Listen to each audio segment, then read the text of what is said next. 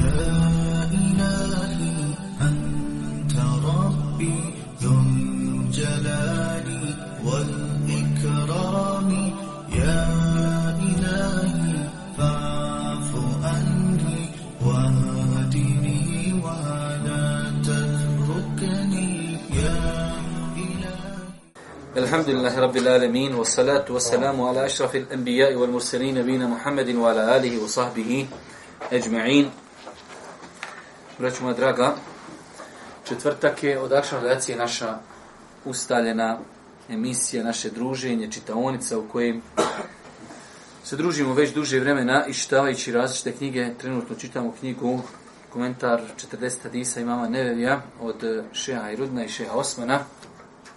Ovo je ujedno i zadnji termin prije Ramazana, pa ćemo u Ramazanu napraviti pauzu, pa poslije Ramazana, ako Bog da ponovo nastavljamo sa iščitavanjem ove knjige, a potom inšala i druge knjiga.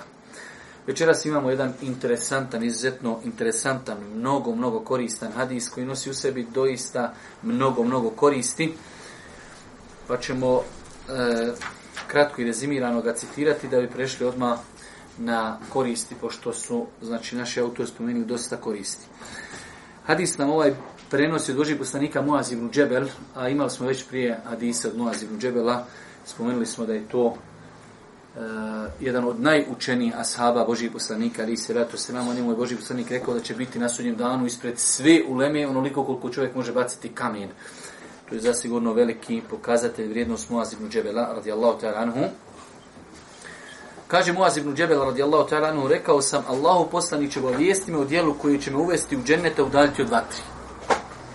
Rekli smo dosta puta da su ashabi bili zaista jedna generacija, možemo je nazvati čudna u smislu pozitivno. Evo možete ovdje sjest, ne morate dugo od vrata. Da su bili fenomenalna generacija, jednostavna generacija, bez filozofiranja, bez ičega. Kaži mi Boži posljednice dijelo da me vodi u dženne, da me odalje u džehennema. Kratko jasno, bez filozofije. Kaže, obavijesno dijelo koji će me uvesti u džennete, udaljiti od vatri. Allahu poslanik reče, doista si me pitao o velikoj stvari. Ne možeš pitati veće, veće pitanje. Najveće pitanje sme pitu. Daj mi reci dijelo koje će uvesti u dženetu da li te odatri. Nema da, ima li nešto vrijednije za, zašto bi čovjek mogao pitati? Nema, to je najvrijednije nešto. Pa kaže Allahu poslanik, doista si me pitao o velikoj stvari. Ona je lahka onome kome je Allah olakša. I vidite kako je interesantna stvar. Vidite nekad neke ljude koji su, evo možete vjerujem da imate nekoga koji je prepoznatelj po nekom iba, evo post, na primjer neko ponedljak i četvrtak posti godina. Nekome je se toliko teško na kant da posti ponedljak i četvrtak. On to posti tako lako. Viš čovjeka svaki put petak džuma, on je prvi safu. Neminovno. Ima čovjek, on se jadnik tri godine trudi da bude u drugom safu. Ne mere, baš on uvijek neđe doliko od vrata klanja. Ali ovo mi je Allah olakšao, jednostavno Allah Đelšanu mu olakšao, da li zbog njegove iskrenosti, da li zbog njegove dovi, da li, da li, ali, pa kaže Allah poslanik, to dijelo koje ti tražiš je veliko, krupno, ali s druge strane ono može biti i lako kom je Allah Đelšanu mu olakšao. Kaže Allah poslanik, robuj Allahu, ne pridružuj mu ništa. To je temelj. I mi smo o tome mnogo, mnogo puta govorili. Robuj Allahu. Čovjek je stvoren da robuje Allahu. وَمَا خَلَقْتُ الْجِنَّ وَالْإِنْسَ إِلَّا لِيَعْبُدُونَ Ne, nisam stvorio ljude, niti džine, osim s jednim ciljem, da robuju uzvišenom Allahu subhanu wa ta'ala. I to je svrha stvaranja čovjeka. Obavljaj namaz, udjeljuj zekat, posti mjesec Ramazana i hodočasti kjabu. Pa je Allah poslanik ovdje šta vidimo, primjećujemo, spomenuo pet islamskih šarta. Muaze, hoćeš u džennet, pazi ovih pet stvari robuj Allahu, to je la ilaha illa Muhammedu Rasulullah, obožavaj Allaha. Obavljaj namaz. Nakon što čovjek uđe u islam, to je najbitnija stvar, namaz, namaz, namaz. Daj zekijat, posti mjesec Ramazana i otiđi nahađa ako možeš. Zatim reče Allahu poslanik, želiš da te uputim na vrata dobra? Želiš da ti, ovo, je, ovo su temelji, ali želiš da ti još ja ukažem na neki situacije gdje ti možeš mnogo dobra zarati. Rekli smo da je Allah poslanik, i to je jedna pedagoška metoda, sjećate se onaj hadis kad smo ga navodili, kada pitaju ashabi Allah poslaniće, možemo li mi abdestiti sa vodom morskom? Pa je Boži poslanik odgovorio, ali je proširio odgovor i danas je taj odgovor, iz tog odgovora proizilazi stotine koristi i, i, i koristi i pravni, a i životni kaže Allah poslanik, voda morska je čista. Možete, kad putujete na moru, imali vi vode ove pitke ili nemali, možete abdestiti. Ali šta kaže još? I njegova mrljina je halal. Sve što iz mora iziđe je halal. Sve. Znači ova riječ Božih poslanika i nji, mrljina iz, me, iz eh, mora, sve je halal. Pogledajte, dvije riječi koje je Boži poslanik pridodao na pitanje, iz toga, vraću moja draga, proizilazi toliko koristi. Pa ova životinja umoru, pa ona životinja, pa uginula, pa nije uginula, jeli zaklani. Izmora, bismila Allah, ekver, završena stvar. Pa ovdje je Boži poslanik, nakon što ga je Muaz ibn Dževeru pitao jedno pitanje, on vidjevši da je Muaz ibn Džebel spreman da privati još toga, daj da mu dadne još koriste. Pa kaže Allahu poslanik, želiš da te uputim na vrata dobra? Post je štit. Sadaka neutrališi grijehe kao što voda gasi vatru. Imaš grijeha, a grijesi, i znate kako insan, nadam se da vi niste takvi, ali ono nešto uradiš loše, pa ti nešto gori, nešto dole u želucu, nešto Kaže, pa sadaka, to, to što gori sadaka, to gasi. Sadaka gasi neutralnišće grijehe kao što voda gasi vatu. A kao i namaz čovjeka u dubokoj noći. Isto tako i namaz u dubokoj noći kad čovjek klanja i on tako isto briše grijehe. Tada je proučio Allahu poslanik Tete Džafa Džunubu Amenil Medađi opis vjernika. Bokov njihove se e, postelja lišavaju pa je učio sve dok nije došao do kraja ajeta. Nakon toga je rekao, sad opet Boži poslanik dodaje i kaže, želiš da te obavijestim o glavnoj stvari, njenom stupu i njenom vrhuncu. Hoćeš li, kad, kad već ti dajem koristi, da ti ja kažem šta bi trebalo za tebe u životu da bude najbitnije, šta je najbitnija stvar, a šta je opet temelj te stvari? Pa kaže Allah poslanik, ali se letu wasalam, rekao, nego šta Allahu poslaniče? Allahu poslanik reče, glavna stvar je islam. Islam ti je glavna stvar. I vjerujte, nedavno sam bio na jednom druženju, da ne govorim, jer je ostalo to anonimno, nismo snimali ništa. Bio sam na jednom druženju sa našom nekom braćom. Nako, bilo je to druženje, bila je to na neka jedna stara ekipa, malo oni stari naši onaj, braća i mrge. Pa sam i ja malo pokušao da napravim tu neku onaj komparaciju našeg hala, i stanje kad smo bili tamo neka 95-a, 96-a, 97 Kako su ljudi u tom periodu odmah nakon rata, kako su više bili svjesni blagodati Islama? Koliko su ljudi više bili ponosni Islamom? Danas imate ljudi, vjerujte, koji svojim dijelima pokazuju, alhamdulillah, oni su malobrojni, ali ko da im je Islam dosadio? To može likako, evo ja sam bio u islamu prije 10 godina, nisam, e, nemam grijeha, nemam problema. Ja bi nekako, može to ikako da budem malo i raja, da budem i čaršija, da budem i mangup, da malo budem i, i roker, da budem malo i kriminalac, ali u svemu tome ja sam batko. E, batko ne mere tako. Ne mere batko tako. Ja tamo, ja vam. Pa je nekim ljudima Allah mi islam dosadio evo ne da vam reknem, ali da Allah oprosti, ali ne zna se oprosti. Nazovete, nazovete žena e, nekog insana i kaže muž radio je što nije trebao rad, pa sam sad ja zaražena bolestju koju nisam trebala da dobijem. Ali dobila sam zato što je on tu neđe pokupio. Ha, dosadno da imam finu ženu, pokrivenu, čestitu, moralnu. Ha, mora nikako da budem i u javnoj kući da budem kod kući. kaže Boži poslanik Moaz ibn Džel, glavno stvar, glavno pita, Islam. Najvrijednija stvar, Islam. Još kad na to pridodate, tako mi je Allaha vrijeme i prostor u kojem živimo. Ljudi oko nas, tako mi Allaha se grcaju, umiru u nemoralu. Ti vidiš ljude na ulici, vala ja nekad sjeo i sam bi plakao kad vidim ljude, svojim postupcima koliko pokazuje da ne znaju zašto živi. Omladina, to, on, on hoće da na sebe privuče neku pažnju. Frizura, ušnja, on ušnjače, ušnja gura u usta, unos, koliko... Ušnjake unosili, sam nosali uvijek bikovi. Nikad to nije nosio insa normalan. Farmerice rasječene. Viš koliko Allah insana ponizi. Vas da je bilo ponos obučni ovo, sad je ponos obuć staro. Kad ti Allah uzme zadovoljstvo iz duši, pa nisi zadovoljan novim, daj mi prljavo, daj mi pocijepan, daj mi da visi iz njega konci, daj mi da je... Neki dan gledam neku poslu sliku farmerice, samo imaju ovi porubi, ništa više, to su farmerice. I prodaju se u prodavci, jarane moj. Ništa sam gori imaš, kajš, imaš porube, paša. I hodaš ti kao lafo, ti sad si neko i nešta. Ja, rab, ja, rab.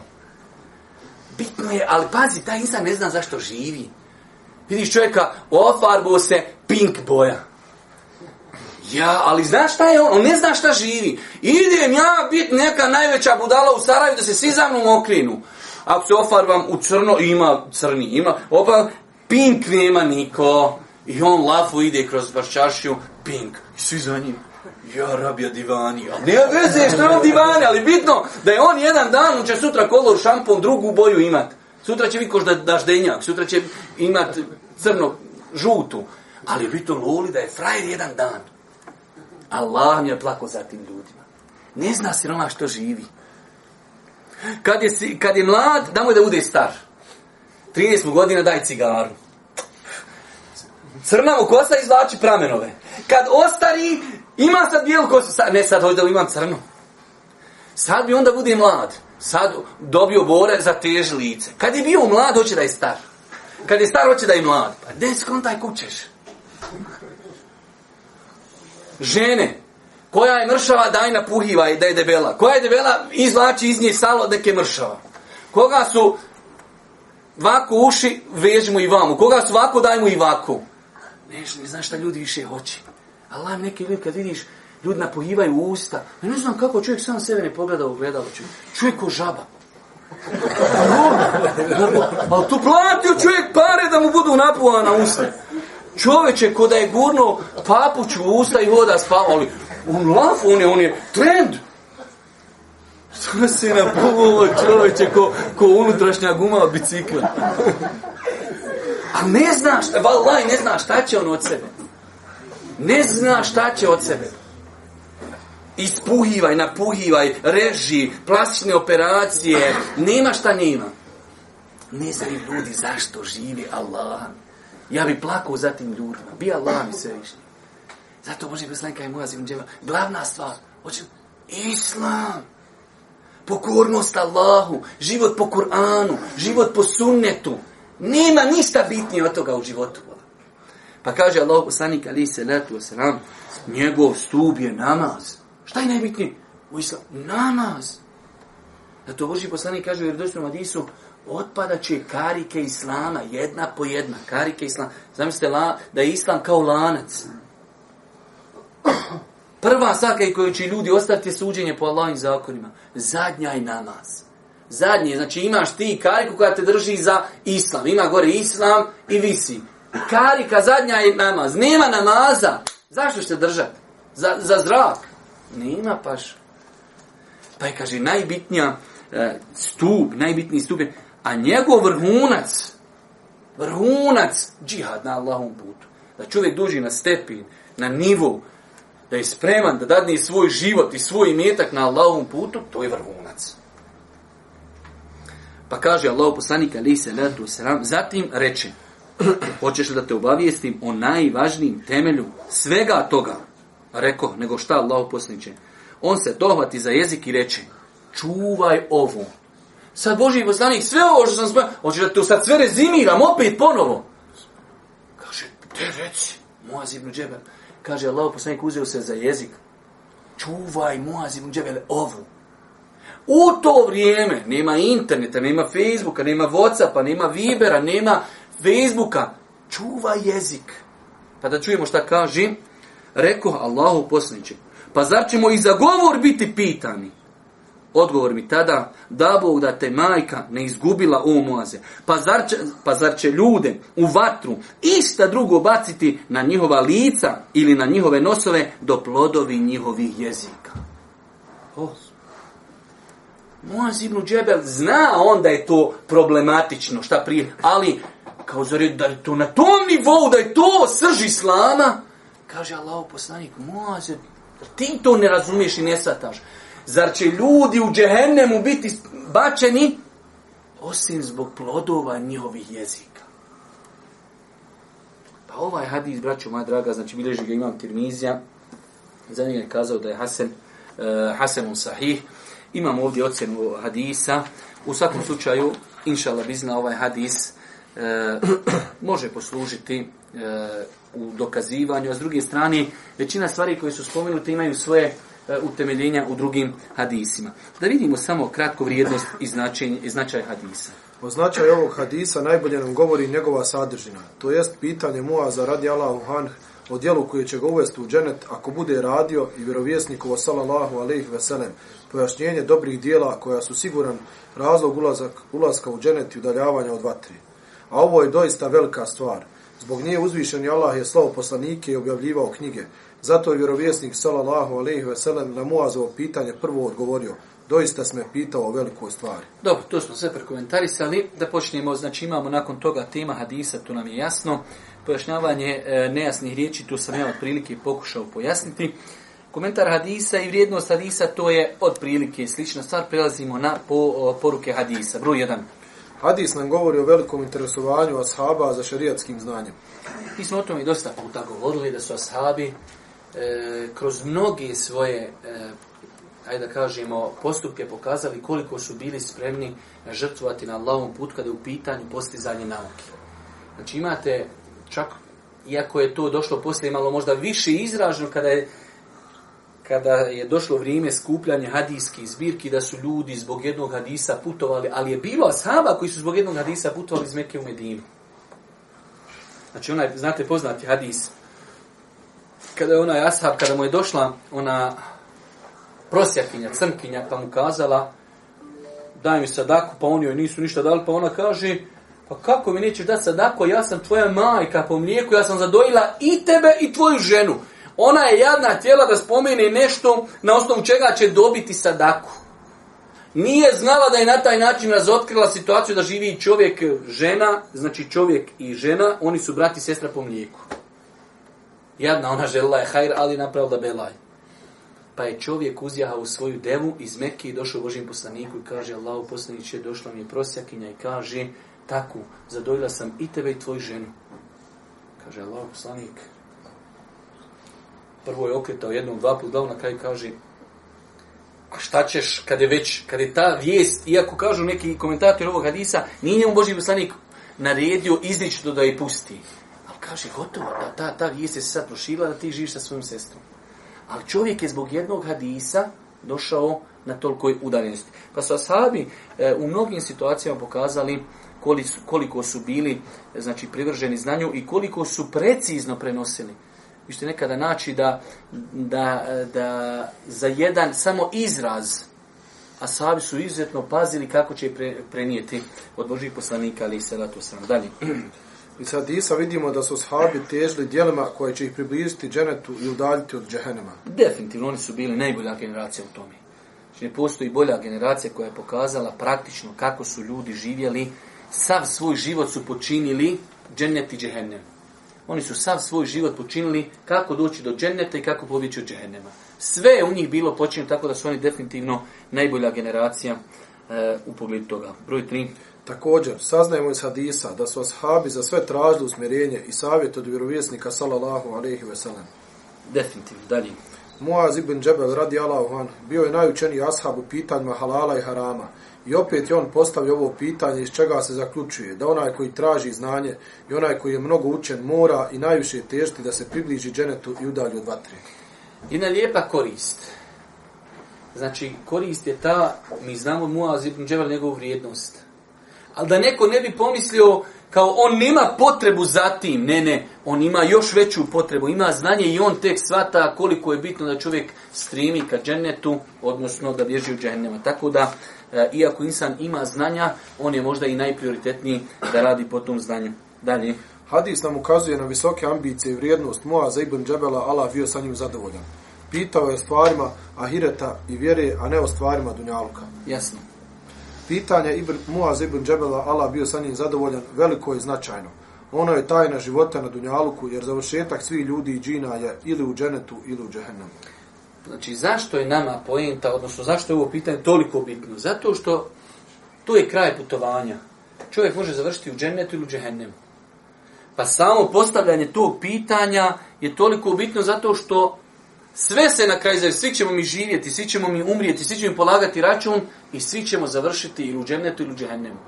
Pa je bitnost toga tolika da ćemo mi svi tu negdje završiti. Ili tamo ili vamo. Pa svi od toga imamo korist. Dobro.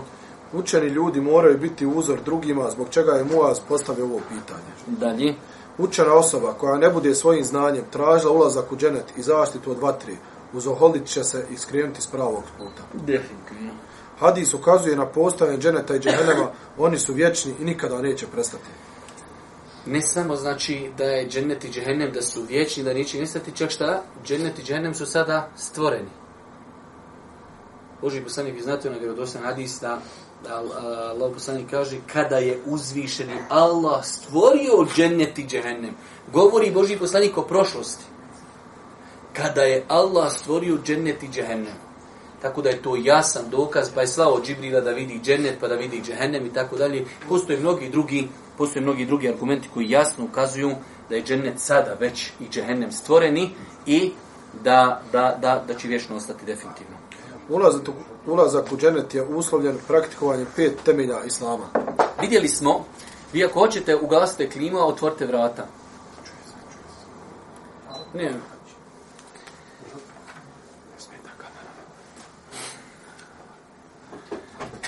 Ma, to malo će se čutali, inšala. Vidite, e, znači, šta kaže ova korist? Još jednu najpročitaj. Ulazak u dženet je uslovljen praktikovanjem pet temelja islama. Pet temelja islama. Kad Boži poslanik mu daje odgovor šta je to što će te odvesti u, dženeta, e, odvesti u dženet i zatvoriti, e, znači sprač, ispriječiti džehennem, odgovorio mu je pet temelja islama. Tako da, e, glavni uvjet ulaska u dženet jeste prakticiranje pet temelja islama. Dalje. Ova djela uzvišeni Allah je propisao i odredio i svoje milosti prema nama, tako da vjernici u dženet ulaze sa Allahovom milošću, a ne svojim djelima. Mi smo o tom, ja mislim, više puta govorili, da li ovdje, da li komentarišući e, Rijadu Salihin. U svakom slučaju imate na vjerodosti nadijs kojeg neki ljudi ne razumiju kada, kada je Allah poslanik Ali se ratu sam kazao niko neće ući u dženet zbog svojih dijela. Niko neće ući u dženet zbog svojih dijela da hadis može biti pogrešno svačen, pa onda da ljudi kažu ne treba ni raditi ništa. Pa kaže sahabi, hata enta ja rasul, čak niti. Kaže, čak nija. Osim, kaže, da me Allah obaspi svojim rahmetom. Braćo moja draga, ovaj hadis može se pogrešno svat, ali ga treba znači razumijeti u kontekstu nemoguće je uraditi dijelo toliko veliko da zbog njega dobiješ džennet. To je pojinta. Ti kad bi klanju čitav život, džennet je veća. Gledanje u lice uzvišnog Allaha, druženje sa ashabima, sa poslanicima, uživanje sa hurijama, vječno uživanje. Nemoguće da si ti to mogu zaraditi dijelima. Nemoguće. Naša su dijela, toliko život je kratak, da ti vidi, govorili smo dosta puta, hoće kupiš sebi novo auto. Koliko godina radiš? Tri, četiri godine šparaš da ukupiš sebi novo auto. Šta misliš onda šta bi trebao uraditi na dunjalku da kupiš sebi džennet? Nemoguće. Nem, kad je džennet, džennet vrednije kompletnog dunjalka. Ne, znači nem. Pa je, tačno svatanje ovog hadisa, mi radimo dijela kojima ćemo dobiti Allahovu milost, Allahovu milost će ući u džennet. A ne možemo reći, ja sam toliko pobor, ja zaslužujem svojim dijelima džennet. To nema. To nema. Džennet je mnogo vrijedniji. Pa znači, ispravno svatanje Hadisa. S druge strane, kako zadobiti Allahu milost? Da neko neko, pa dobro, znači Allahu milost. Ne, ne. Imaš dvoje djeci. Pa jedno, jedno te sluša, jedno te ne sluša. Ko će prije dobiti tvoju milost? Šta god kažeš djetu, kaj, neću, neću, neću. Neću biti pre njemu milostiv. Tako je insan. Ako njegov gospodar non stop doživlja, dobiva od njega e, nepokornost, hoće li mu se smilovati? Dok insan koji se trudi, trudi, trudi, trudi, to je način i metoda da zasluži Allahu subhanahu wa ta'ala milost.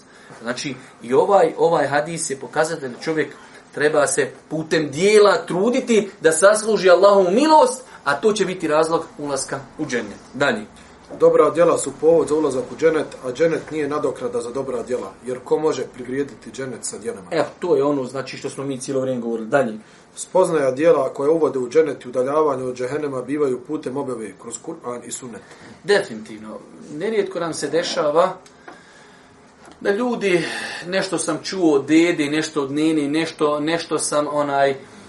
Ne, ne, ne. Znači, kad hoćemo govoriti o džennetu, hoćemo govoriti o džehennemu, hoćemo govoriti o Allahu, Đelešanhu, moramo se vratiti na objavu.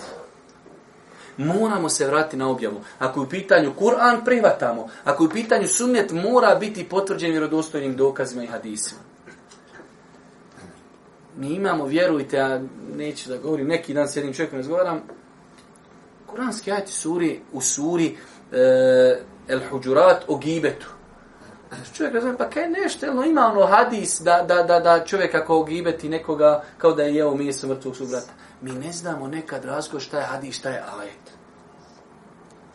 Koliko sam puta slušao kad ljudi kažu, pa nešto, ono, ima nešto, ajet li hadisa, šta je no? Evo dobro, hajde reknemo, hadis je paš. Je li vjerodostojan? Koga bilježi? Koga prenosi? Vjerodostojan. Je li derogiran? Sad vam može čovjek citirati deset hadisa i reći vam šta je s ovim hadisima.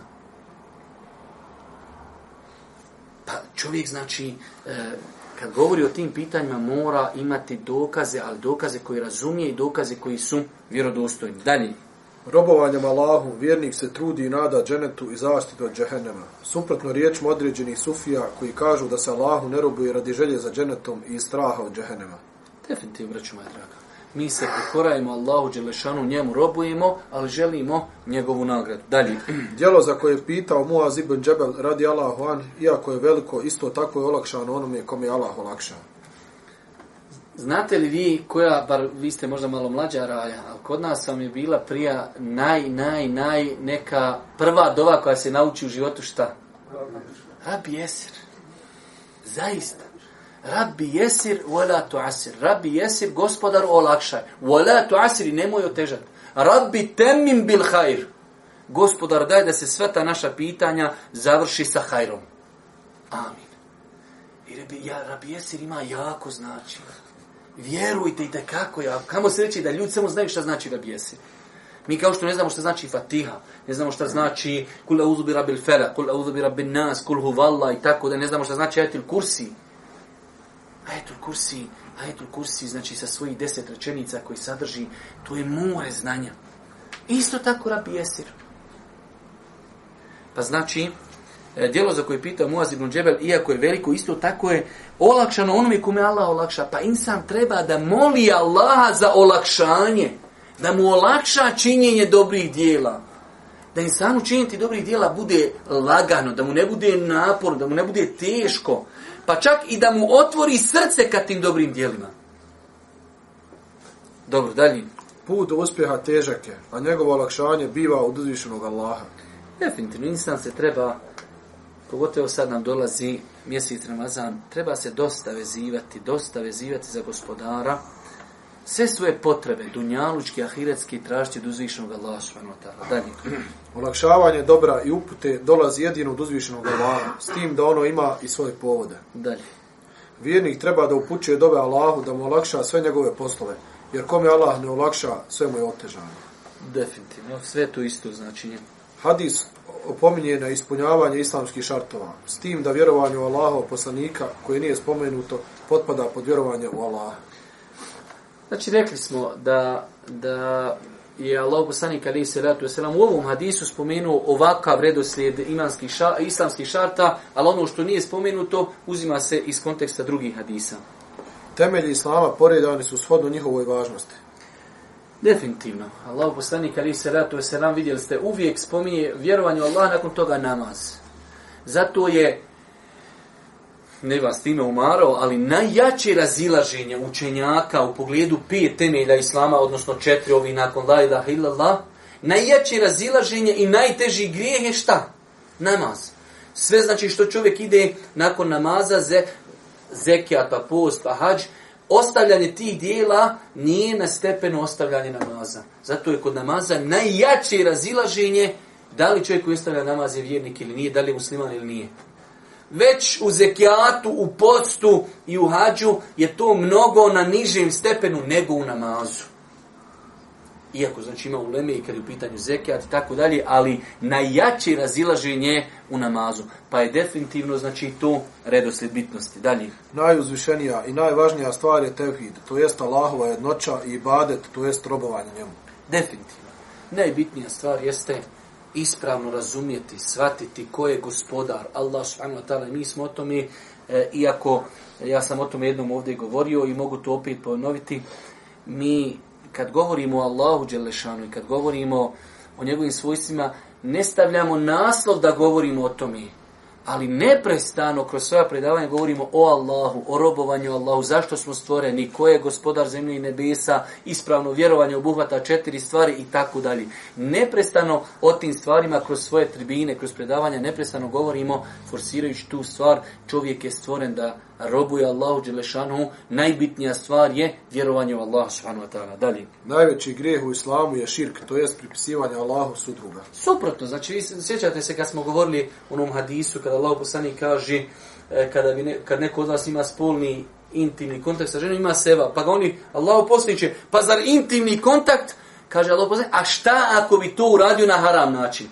samo želimo ovdje isto da povežemo tu poveznicu ako je tevhid najbitnija i najvrednija stvar u islamu onda suprotno tome je najgore u islamu a to je širka pripisivati sudrug, sudruga uzvišnom Allahu subhanahu wa ta'ala najveći grijeh inna Allahe la jagfiru an yushraka bihi wa jagfiru ma dune dharke mimen ješa Allah nikome oprostiti neće da mu pripiše sudruga. Šta se time misli?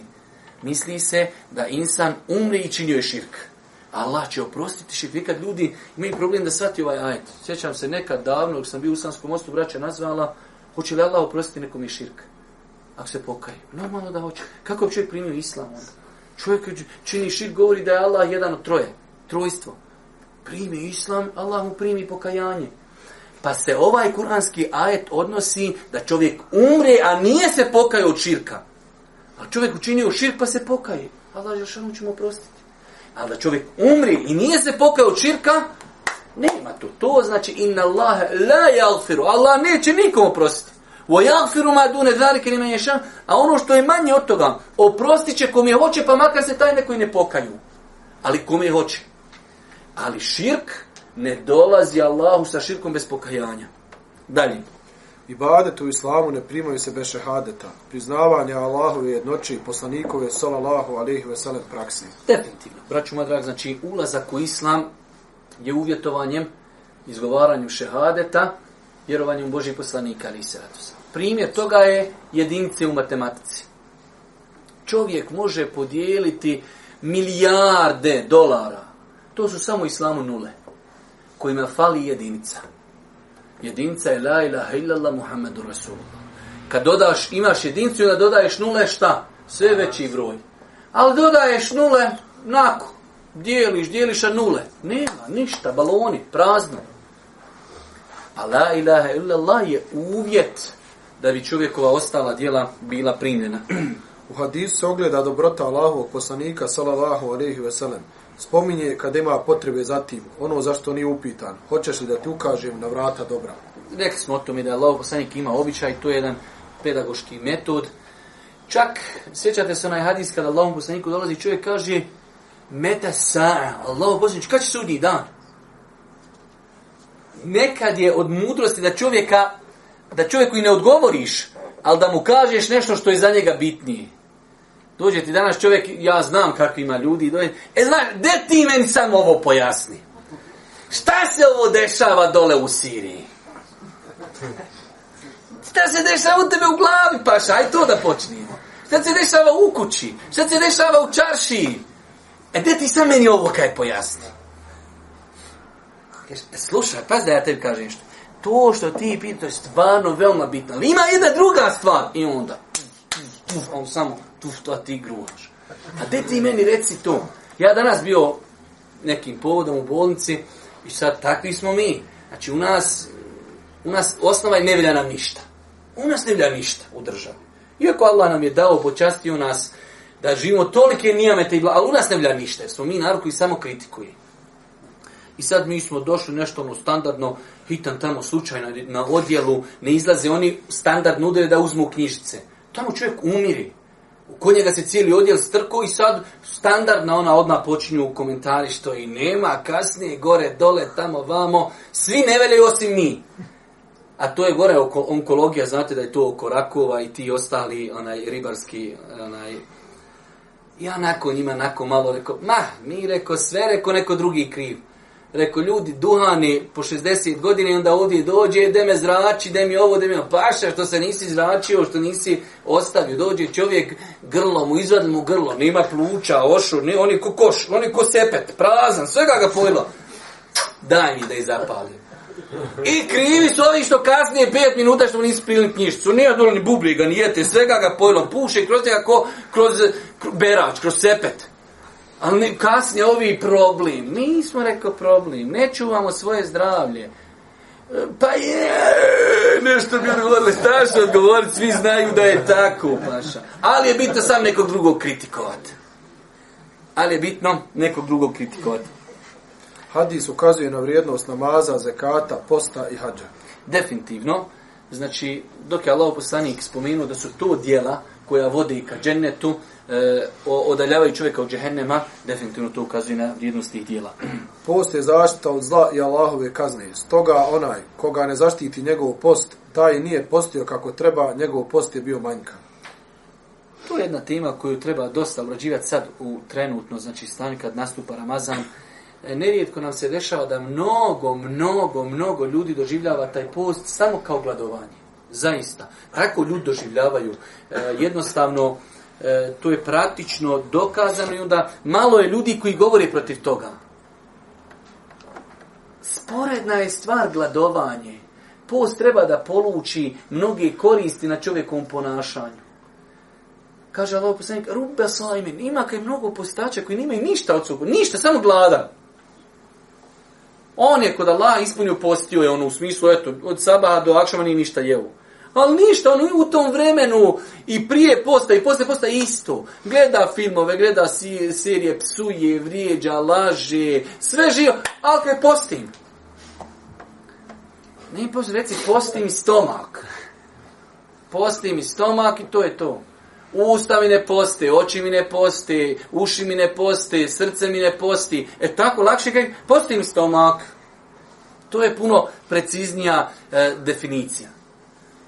Pa čovjek treba da čita knjige islamske učenjaka, šta su kazali o mudrostima posta. Zašto je post propisan? Kako, se, kako je postio Boži poslanik? Zar nije Boži poslanik rekao, kada vas neko uvrijedi, šta ćemo reći? E na sajm, ja postim.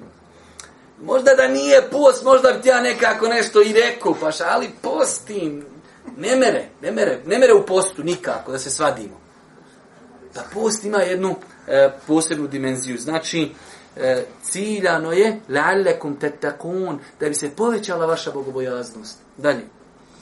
Sadaka, to jest udjeljivanje, i noćni namaz brišu grijehe, pa samim tim hadis nas i potiče na sadaku i noćni namaz. Definitivno. Uvijek kada imate u nekom hadisu, E, korist nečega, samim tim je to podstrik. Ako Allah poslanik kaže u Adisu da sadaka i noći namaz briše grijehe, to je nama podstrijek da imamo udjela u noćnom namazu i da imamo udjela u djeljivanju sadaki. Grijeh pri sebi ima vrelinu. Kao što je došlo u hadisu, sadaka gasi grijehe. Tako da osoba zbog neudjeljivanja obavezne sadake biva kažnjena vatrom voda u sebi sadrži hladnoću i zbog toga vjerovjesnik sallallahu alejhi ve sellem u hadisu poredio sadaku s vodom koja gasi vrelinu grijeha. Govorili smo to i dalje. Ovdje je očiva ljepota poslaničkog podučavanja koje se ogleda u navođenju primjera. Allah poslanik i to je jedna od njegovih metoda, nažalost e, u velikom broju slučajeva kod svih nas zapostavljen, navođenje primjera. Je dosta puta ljudima kada navedeš neki primjer, čovjek može sluša, sjedi sat vremena ders i onda iziđe iz dersa, zapamti ono što se naveo kao primjer. Svi ostali stvar zaboravi. Pa je navođenje primjer, zato pogledajte Kur'an. Znači, koliki dio Kur'ana, neki kažu trećina, ali nije trećina, ali velik dio Kur'ana su kazivanja. Kazivanja, navođenje primjera, koliko, na, na koliko mjesta u Kur'anu Allah Žešan i navodi Allah primjer toga. Allah navodi primjer mušice. Allah navodi primjer. Allah navodi toliko primjera. Pa je navođenje primjera, navođenje primjera je jedan, e, znači, e, pedagoški metod e, kojeg čovjek treba da koristi kada je u pitanju obraćanje i komunikacija s ljudima. Dalje. I ovdje vidimo veliko odgojno i obrazovno pravilo u obliku pitanja. Da li želiš da te obavijestim? Dalje postepenost u podučavanju ljudi je jako važna. Ljude treba podučavati prvo osnovama i temeljima vjere, a potom propisima koji upotpunjavaju te osnove i temelje.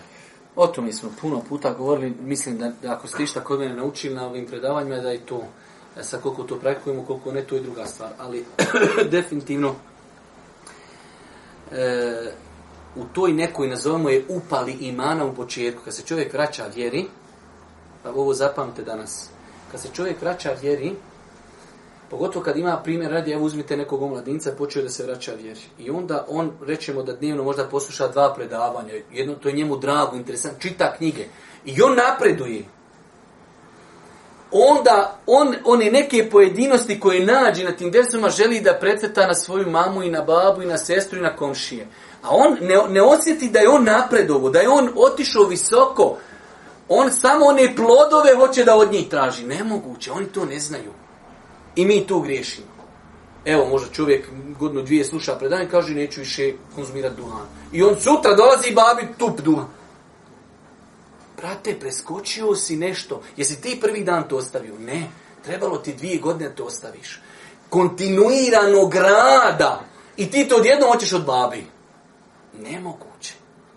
Pa je veoma bitno da čovjek pazi ako već ima neki proces svog sazrijevanja, da dopusti i drugima da sazrijevaju.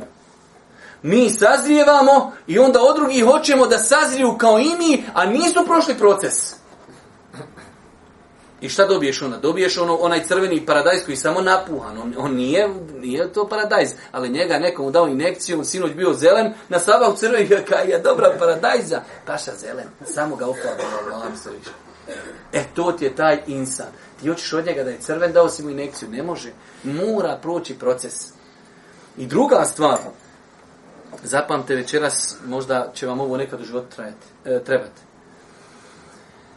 Velik broj ljudi koji zanemaruju proces sazrijevanja dosta puta posusta u životu i dosta puta crkni, da reknimo tako. Imate ljudi koji hoće, to zamisli sad, Ja ne, ne razumijem se u dizanje tegova. Ali evo, danas si počeo dizati tegova, možeš podići 80 kila. Ti hoćeš za 6 dana da digneš 250? Ne mreš paša, dobit ćeš ne kilu, dobit ćeš kilu na očima, na ušima, svuti ćeš puknut. Šta treba? Vremena, vremena. Tako insan koji hoće brzo da sazrije, počeo klanjati prekućir. I on bi za mjesec dana da sve zna, da sve konta, da sve razumije, da je sve naučio, da sve... Ne može, nemoguće, nemoguće. Ko što malo djete, vidjeli ste kako ide? Pa ide lagano hapica, pa kašica, pa malo črbice, pa graba. U osmoj godini on batak veća glaba. Da si mu u, u trećem mjesecu dao batak, vaša ne ima teorije. E ovaj hoće batak odmah, on je tek pošao gledat, daj mi bataka. Paša, supica za tebe. Supica je, šta je supica? Supica je, eli, bata, hajde ući sufaru. Supica je, gospodine, trebaš e, čitati rijadu salihin. Supica je da, u, da, da znaš je tahijat u prijevod. Supica je da budeš dobar prema mami i babi. I tako što on bi paša, ne bi on kakav batak čovjek, on bi, on bi kamenje grizo. Ne može. I taj proces, i onda on, on misli, napuhiva se, napuhiva se, ja znam, ja mogu, ja znam, ja mogu, i onda stane kao bocnic. Ode u kafanu. Allah mi, zato što je zanemario nešto što je prirodno, ne može čovjek sazrit na silu da je iko mogu saznat nasljed, to sazrili ashabi. 13 godina je poslanik odgajao u Mekke. Neki dan jedan brat priča, znam ja tu, znam ja tu bolesnu populaciju, vidio se s nekim monkom negdje na nekom restoranu, pa je došla priča, bla, bla, bla, znate kako u nas, i odmah počne priča o dajijama, oh, ko je odmah iz svrha uzgore, ne možemo mi ozdol nikako, nemamo mi vremena, daj gore, safet, daj vam, kakav je safet, ne priča o džihadu, U Češi, mrda. Pa če, voza šarape udaš, pa če pa, si ti, paša? Safet ne priča džihadu. On, sa, on zna Safeta popravljat. Ja garant ne zna gumu, kad mu se probuši na auto, ne zna. On zove Bihan da mu promijeni gumu. Garanciju dajem. Probušna se guma, e, šta li je sad ovo? Bihan, fali mi guma. A Safet, znam ja, kaže, ne, on ne priča o džihadu paša, to je taj napuhani paradajz. On je uče bio zelen, on je istetoviran kod daždenjak, on je volkano glava, uče bio izbacivač, prodavao drogu, pola Sarajeva na drogiro i on je pošao dva dersa, džihad, džihad, džihad. Eto ti idi, brate, što sjediš ovdje s nama? Evo, mi, mi ne znam, mi ne veljamo, mi sjedimo. O što s nama? Zarazit ćeš se čovječe od nas, mi smo zaraženi čovječe. Idi, biži od nas idi tamo, dje, dje, dje, dje, vidi. A, nemoj, joj, nemoj, nemoj, nemoj me bogati tamo. Sve na, kad je ovdje se pucalo, gdje se trebalo pucat, bio si u Švicarskoj. Sad kad ovdje treba širiti islam, sad ti ovdje opet, sve kontra, uvijek u jednosmjernu. Svako vrijeme ima šta treba u njemu raditi. Ali kažem, a, sazrijevanje. Taj proces, vjerujte, mora proći. Zapamtite. Kad god vidite čovjeka da brzo sazriva, jer se kad imate malo djete, brzo deblja. U, do, uh, hm, gujaznost. Brzo se deblja. Taj se brzo deblja, paša. On je već 9 godina 89 kila. Vodi ga, paša, on je hormone u poremećenju. Valaj, to je se... Islam se uvijek može pojasniti sa svim disciplinama svjetskim. Sa svim se ista može. Ova je, njemu je bolan ček, osam je godina, on već ima 95 kila čovječe. Previše se na puhu. Mora biti proces sazrijevanja. Kad god vidite čovjeka da nije sazrio, znajte da taj čovjek napravit će belaj, napravit će probleme i pitanje dana kad će, kad će to sve ostaviti. Hajde dalje. Hadis jasno govori o Allahovoj dobroti i milosti prema njegovim robovima. Otvorio im je mnoga vrata dobra kako bi stekli njegovu nagradu i oprost grijeha. Maša, dalje. Iz hadisa se uviđa i vrijednost izvršavanja dobrovoljnih ibadeta nakon obavljana strogo obaveznih ibadeta. Definit, mi o tome non stop govorimo. Ljude prvenstveno treba pozivati da obavljaju farze. Nek se ljuti ko hoće, nek lupa glavom koliko god hoće. Ljude treba pozivati da obavljaju farze. Ali isto tako ljude treba pozivati da nakon što ustabile farze, negdje god mogu kakvu na filu da uradi. Ali kada sam farze, samo farze, paša, ja ti potpisujem, do kraja života nemoj nikakav sunnet uraditi. Ali gde se obaviš da ćeš raditi farze? Pa ljude treba pozivati u činjenje farza, a kad se ustabile u tom i kad to svate, gdje god mogu na filu da urade, da li od namaza, da li od posta, da li od zekijata, da li hađa, da, bilo gdje koju na filu, dati ali da nam prvo ustabili farze. Dalje. Dobra djela i badet dijeli se na farzove, to je strogo obavezne i na file pohvalne. To je, ovo je jedna školska korist, ali nažalost veliko broj to ljudi kod nas ne zna. Kod nas imate svakim danom ja o tome moraš, neko mi se popnije nakosti na Facebooku, pa žao mi sve blokirati, ja, ja puno blokiram, tu sam brzna u kidaču, sam puf, banujem i samo dovim za onih što su izmislili dugme banovanje. Ali nekad počinješ ljudima razvojati, a to ste vi oni što izlazite iz džamije. Neki dan sam s jednim čovjekom dopisivo se oko ti neki onaj razlika mesevski. Nemoj je rekao, paša, sam da na kraj bude Allah, da ne klanja šedovno, a mene se ovdje ufati u cijedite, da li neko izlazi iz džami ili ne izlazi. A ne zna čovjek o tome ništa. Šta znaš o izlasku iz džami nakon farza? Gde mi nešto? Ja ga nisam tako naučio. E, to je najveći problem. Sve što nisam ja naučio, to je greška. Ja studirao informatiku 96. Ja, ja kad sam išao u srednju školu 92 e, kad smo tada tek izmislio se predmet informatika. DOS, ne znam, nije oni stari programi, to je, ma, to, kompjuteri bili čoveče, I sad ja, ja sam studirao informatiku 92. Poša, preglazilo te vrijeme. Halo, halo, preglazilo te vrijeme. Hajde, da, dobro, idemo dalje. dokazivanjem govora Allahov poslanika sallallahu alejhi ve sellem plemenitim Kur'anom iako je Kur'an njemu objavljen. Bokovi njihovi se postila lišavaju. Opusto je nama da i mi to činimo u svojim govorima. Samo gore da se kratko vratimo, da ne ostanemo na dorečeni kada je u pitanju farz i razlika. Veoma je bitno da čovjek zna šta je farz, šta je sunnet. Definicija farza, dijelo koje uradimo, imamo sevap. Ako ga ne uradimo, bit ćemo griješni sunde, definicija dobrovoljnog ibadeta, ako ga uradim imam sevab, ako ga ne uradim neću biti kažnjen. Da se mi toliko ježimo na omladinu koja ne klanja nikako koliko se ježimo na omladinu koja iziđe nakon farza. Čovjek klanjao farze. Ma brate, e, iza na glavi hodaj. Na rukama izađi iz džamije. Nakon selama, selam, ali selam, odmah izleti. Alhamdulillah, klanjao farze. Farze. On vidi dole ovoga drogira se, sjedi, nargila, puš, ne, dobar je, neka ga, ne izlazi nakon farza, najbitnije nam je. Šest didova u džami sjedi, ali neka, nemoj nas, molim vas da dođe nam sedmi, šta ćemo sa njim? Sam rekao mi ti izlazi iz farza. To alami, znaš šta, to šetan doda ljevak svom šetan da on tebi doda da ti gledaš ovako kroz ljevak. Zar, a ne zna, on najosnovnija stvar.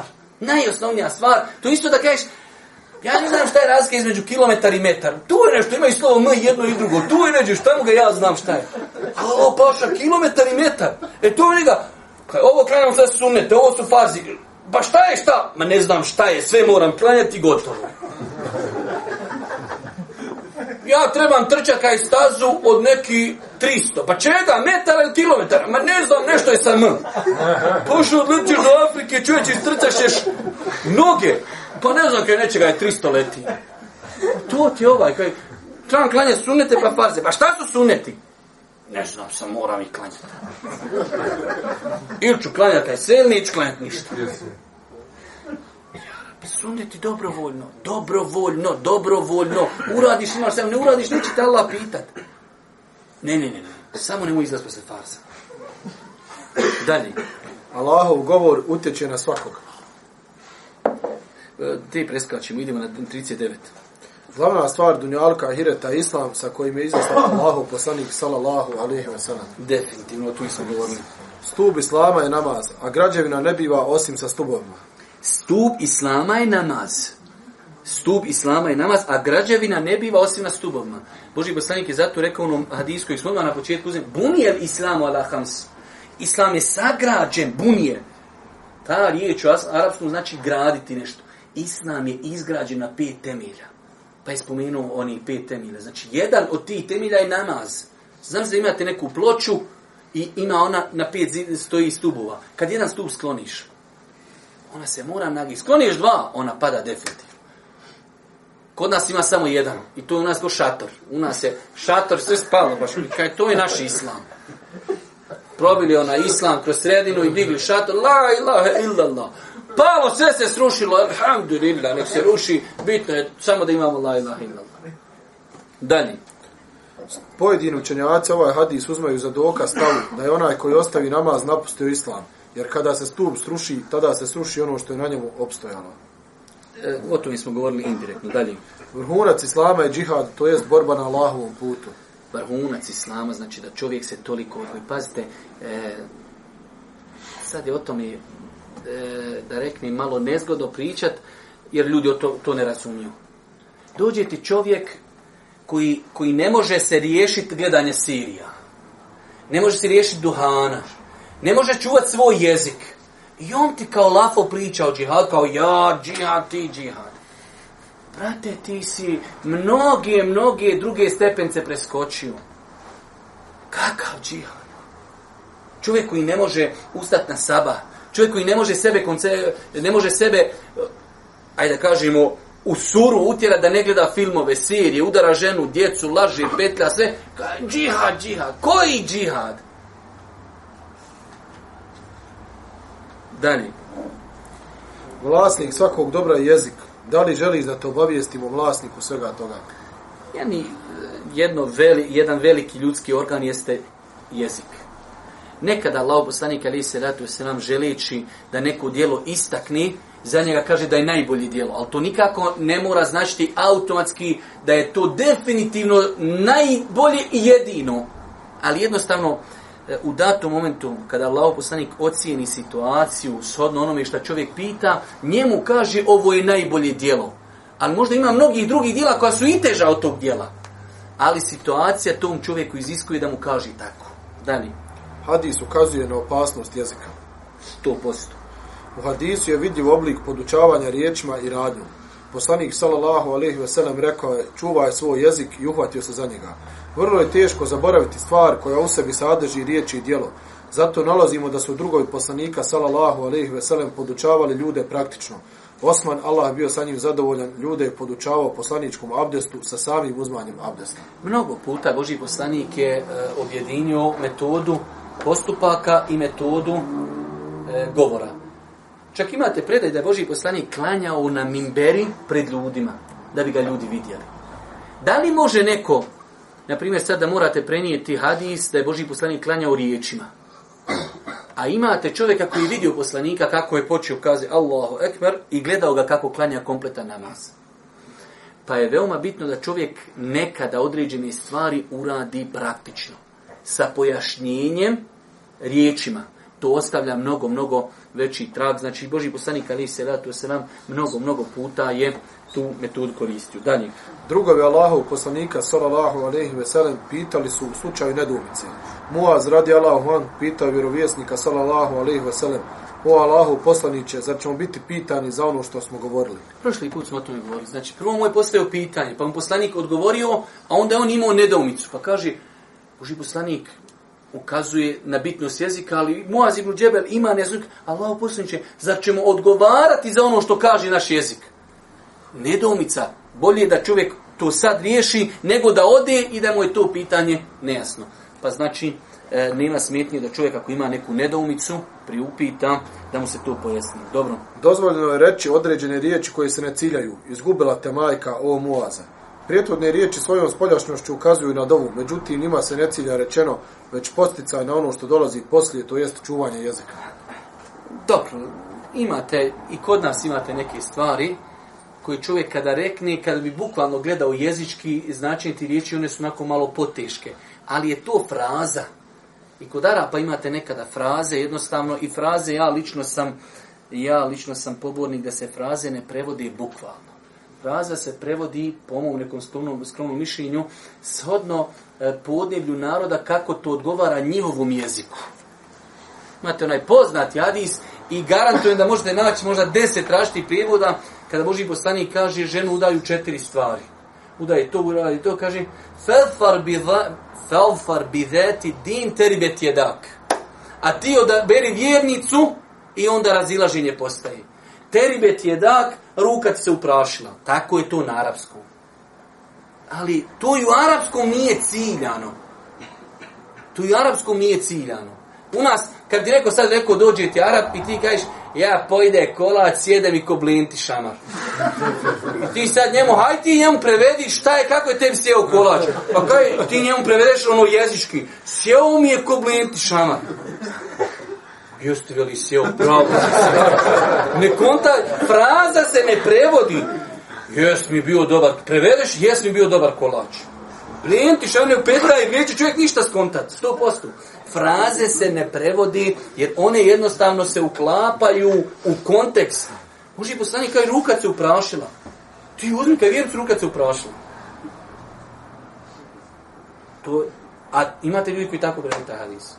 Ti kaže, uzmi vjernicu, ruka se uprašila. Sad neko čita, ti u Bogu, šta li me ruka, šta je uprašila. Dobro, ovo ne moram, ni sad idem dalje.